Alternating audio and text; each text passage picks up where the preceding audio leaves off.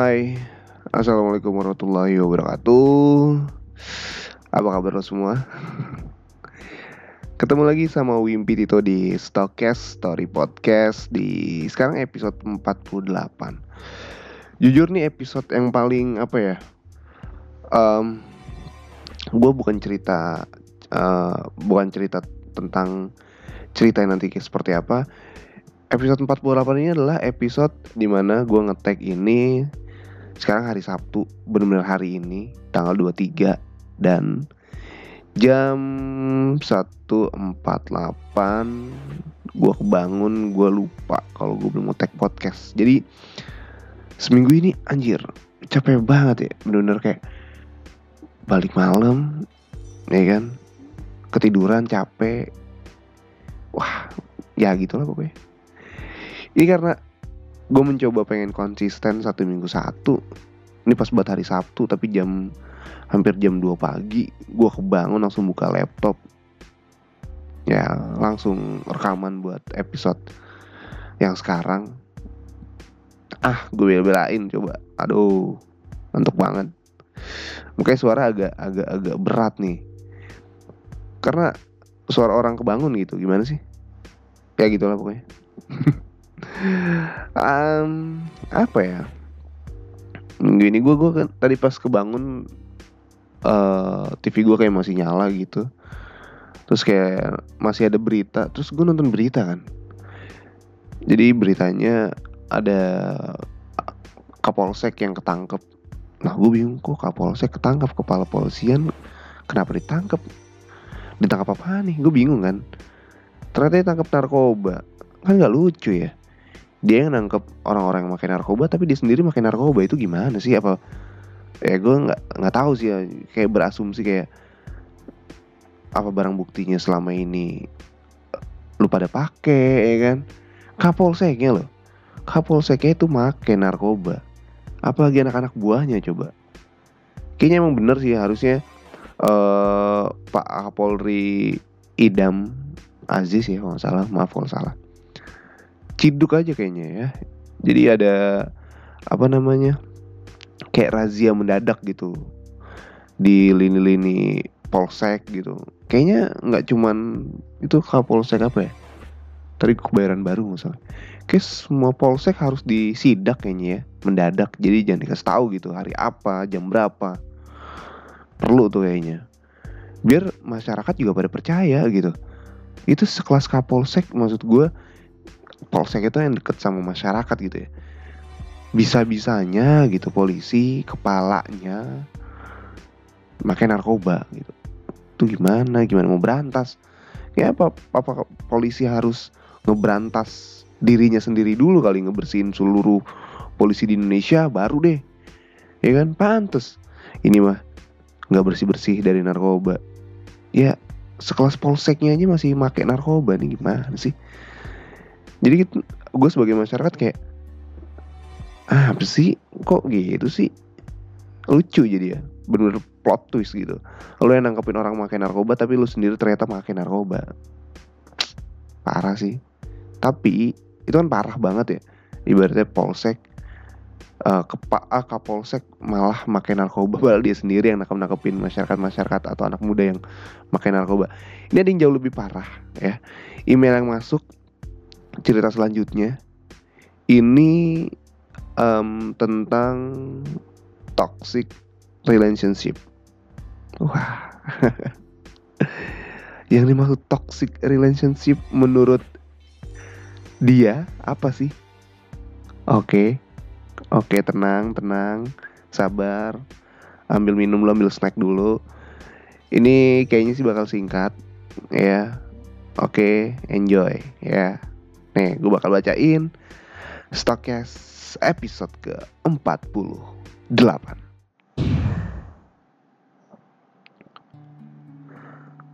Halo Kak Wimpi, salam kenal ya Kak. Ya halo juga, siapa namanya nih ya? Tolong dengan sangat jangan disebut nama aku ya. Kenapa? Aku gue sebut aja, ntar di sensor sama Marta ya. Aku mau cerita. Ini pengalaman aku tentang toxic relationship di zaman yang udah maju kayak gini. Oke. Okay. Dan di umur aku yang masih 20-an, aku kenal sama laki-laki ini di kantor. Oke. Okay. Dalam dunia kerja yang sama, um, kita kenal dari bulan November 2018 sampai akhirnya aku memutuskan untuk mengakhirinya di bulan Agustus 2019. Berarti berapa? Hampir setahun ya. Agustus, September, Oktober, November. Ya tujuh bulanan ya. Aku dan dia beda agama. Loh Beda agama. Oke gue baca lan lebih lanjut dulu ntar ya. Kami sudah sama-sama mengenalkan ke keluarga. Aku diterima dengan baik di keluarganya. Namun sayangnya dia tidak. Beberapa kali mamaku sudah mengingatkan tentang ini dan aku tidak mengindahkannya. Eh, nggak nurut sih lu sama nyokap lu. Kenapa aku sebut toksik nggak tahu gue. Kenapa emang? Bukan karena agama ya kak. Lo karena masalah finansial. Loh kenapa finansial?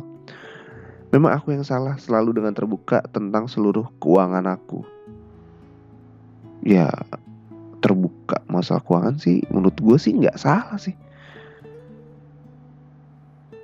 um, lanjut ya dan pada bulan Juli 2019 dia dipecat dari pekerjaannya lah kenapa dipecat jadi dia memutuskan untuk melakukan pinjaman di sebuah bank dan beberapa pinjaman online lainnya. Hmm, cakep. Aku yang masih awam dengan ini karena orang tuaku juga tidak mengajarkan, lalu diberi kesempatan olehnya untuk mengetahui ini. Oke. Okay. Sudah hampir empat bulan sebelum kami putus, dia dengan seribu satu alasan mengajukan pinjaman online dengan namaku. Hmm, pantes. Huh. Penyakit emang nih pinjaman online yang tidak resmi. Banyak yang gak resmi ya. Atau di luar dari uh, jangkauan OJK itu banyak banget. Lanjut ya. Uangnya ke mana? Ya hanya dia yang pakai untuk makan dan hal lain. Beberapa kali seperti itu. Hmm, udah salah sini. Beberapa kali dia pinjam, dia bayar dan pada akhirnya setelah kami pisah, aku yang menanggung ini semua karena pinjaman itu atas namaku. Hmm. Pinter ya. Dan ada satu lagi kak, apa nih? Dia pindah agama setelah pisah dariku. Loh. Oh iya, ada beberapa saudaranya yang kerja satu kantor dengan aku dan menganggap bahwa aku yang menyuruhnya untuk pindah agama. Bukan apa nih, bahkan kadang aku diteror dengan tatapan kejam yang sering juga disindir di kantor. Uh, saudara juga blow on sih. Cari tahu dulu, asal nuduh aja. Aku sedih dan menyesal sampai-sampai pacarku yang baru sekarang ini kesal dengannya karena pengalaman aku yang apa nih eh karena pengalaman aku dan beberapa hal bodoh yang aku lakukan. Ya iyalah maksud gue um, kayak sebelum lo mengerti pinjaman online lo harus cari tahu dulu sih ya. Jangan meng iya iya aja ngasih identitas lo ke dia untuk dicantumin namanya untuk pinjaman online. Bahaya juga nih ya. Jadi buat lo ya yang pacaran sekarang kalau misalkan pacar lo uh, yang dengerin ini khususnya ya kalau misalkan pacar lo mau minjem online tapi dia atas nama embel-embel lu jangan pernah kasih ya. Jangan pernah mau apalagi lu masih cuman pacaran gitu. Nggak jangan dikasih. Oke lanjut. Aku cuma mau mengingatkan untuk teman-teman perempuanku yang mendengarkan cerita yang dibacakan oleh Kak Wimpi ini tidak mengalami kebodohan yang sama denganku. Bagus ya. Yang denger nih sekali lagi buat perempuan khususnya kalau misalkan ada cowok lu masih jadi pacar itu tadi gue bilang dia mau pinjam apa? Mau pinjaman online tapi atas nama lu jangan pernah dikasih identitas lu oke? Okay? jangan pernah. Dia bilang sih bijak dalam mengambil tindakan dan cepat menyadarinya bagaimana sikap pasangan kita. Sebenarnya dari pertama sih uh, ketika emang orang tua lu itu uh, tidak setuju ya nggak usah lanjutin lah. Ya udah apalagi kalau cerita dari dia nih dari awal udah beda agama gitu ya mungkin setiap keyakinan beda-beda Tapi baik lagi, ketika kita nurut sama orang tua, kayaknya orang tua punya pemikiran yang tajam sih ya untuk anaknya sendiri. Gitu. Mana nih? Semoga bermanfaat ya kak pengalaman aku ini. Iya, sangat banget, sangat amat bermanfaat ya. Terima kasih ya, udah nge-share ceritanya. Terima kasih sebelumnya sudah mau membaca ceritaku. Salam hangat dariku. Oke. Terima kasih kembali buat uh, lo yang tidak mau disebut namanya. Tapi sudah gue sebut tadi. Tapi karena disensor jadi lo nggak denger. Ya. Um, itu dia cerita dari dia. Yang kena imbas dari pacarnya yang meminjam online atas nama dia. Jadi hati-hati. Sekali lagi mau ngingetin pinjaman online itu bahaya banget. Emang mudah sih 5 menit cair 15 menit cair dengan nominal tapi syarat dan ketentuannya itu jangan iya iya aja. Ya gue sih nggak tahu ya. Di beberapa hal eh di beberapa hal di beberapa hmm, apa ya namanya di beberapa kesempatan gue kayak pernah ada di teman kantor gue yang kena kayak gini juga. Cuman dia buat pribadi sih bukan online itu sampai buka tutup pinjaman online jadi kayak buat mau bayar buat mau bayar utangnya dia pinjaman online. Buat ngebayar utang lagi dia pinjaman online lagi. Jadi tutup lubang gali lubang gitu.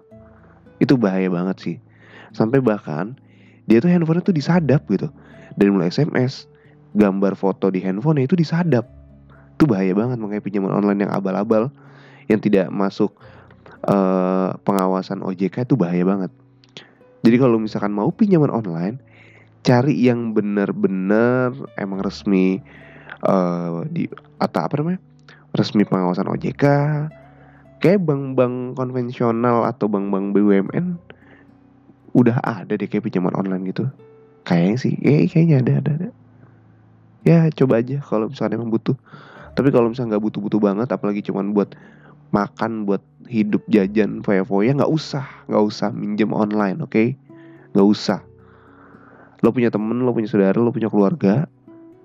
Ya paling enggak ya kalau misalkan emang lu bener-bener susah banget buat makan ya nebeng di kosan temen atau ikut sama saudara ya.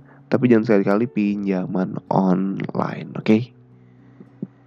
ya udah sih itu aja udah jam 2 Aduh. Ya semoga podcast episode kali ini bermanfaat buat lo yang punya hubungan dan yang nggak punya hubungan juga hati-hati tetap di mana pun lo berada hati-hati sama pinjaman online. Kalau misalkan eh, nggak uh, butuh-butuh banget jangan pernah minjem ya ingat jangan apa ya memuaskan kebutuhan media sosial sampai-sampai lo mengorbankan diri lo sendiri oke okay? Yaudah gitu aja kali ya. Ya udah, gue mau lanjut tidur sepertinya. ya udah kalau gitu Wimpi Tita pamit sampai ketemu uh, minggu depan di episode ke 49. Oh ya by the way, um, Stokes tanggal 19 Desember kalau salah. Tanggal 19 Desember itu Enif yang pertama, Ci gitu. Udah setahun ternyata konsisten untuk menceritakan uh, cerita yang ada di email yang udah lo kirim. Udah setahun wah gila ya. Hah? Nggak pernah nyangka bisa sampai mau setahun gini sih. Terima kasih bu. Terima kasih banyak sekali lagi sih gue mau ngucapin buat lo yang udah dengerin. Dan buat lo yang udah mau ngirim ceritanya. Karena tanpa cerita lu stokes nggak pernah ada. Ya gimana mau ada kalau nggak ada ceritanya ya kan Jadi terima kasih banyak buat yang udah ngirim ceritanya. Uh, banyak hal yang bisa diambil, dipetik, banyak hikmah yang bisa diambil, banyak pengalaman-pengalaman yang menurut gue wow, wow, wow.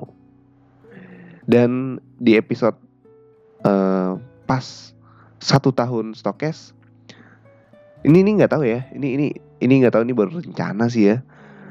Ini baru rencana gue sama Marta. Pas setahun gue skip untuk nyeritain yang ada di email tapi gue bakal nyeritain cerita gue pribadi. Wah ada apa ya? Cerita Wimpi tuh apa sih? Lo apa yang mau diceritain? Tenang aja. Um, gue nanti bakal mau cerita mungkin tentang pengalaman gue atau tentang pengalaman percintaan gue atau tentang kehidupan gue nggak tahu. Ditunggu aja pokoknya ya um, pas Enif satu tahun stokes gue bakal spesial bikin story tentang kehidupan gue jadi ditunggu aja oke? Okay? yaudah. Udah 15 menit mau ke 16 menit gue harus pamit gue mau lanjut tidur dan sampai jumpa minggu depan sekali lagi. Dah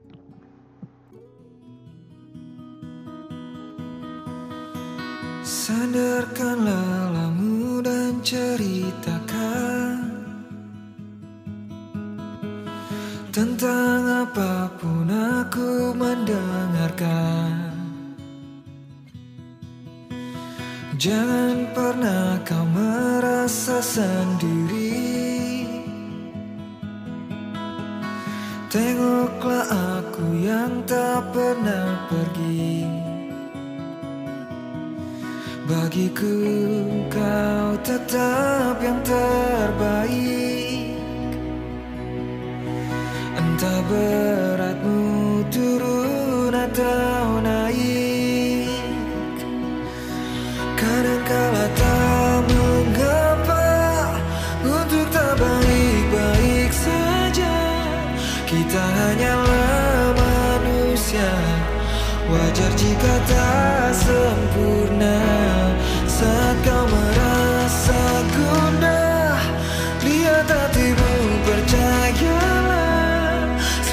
sesuatu yang perih Bisa diringankan dengan peluk. Kau berkata dunia sedang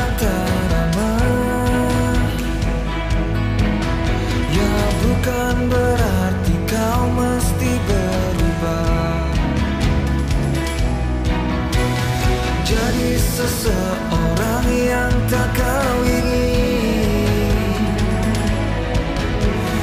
Yang menatapmu asing dari cermin. Oh, beriku kau tetap yang terbaik. Entah beratmu turun atau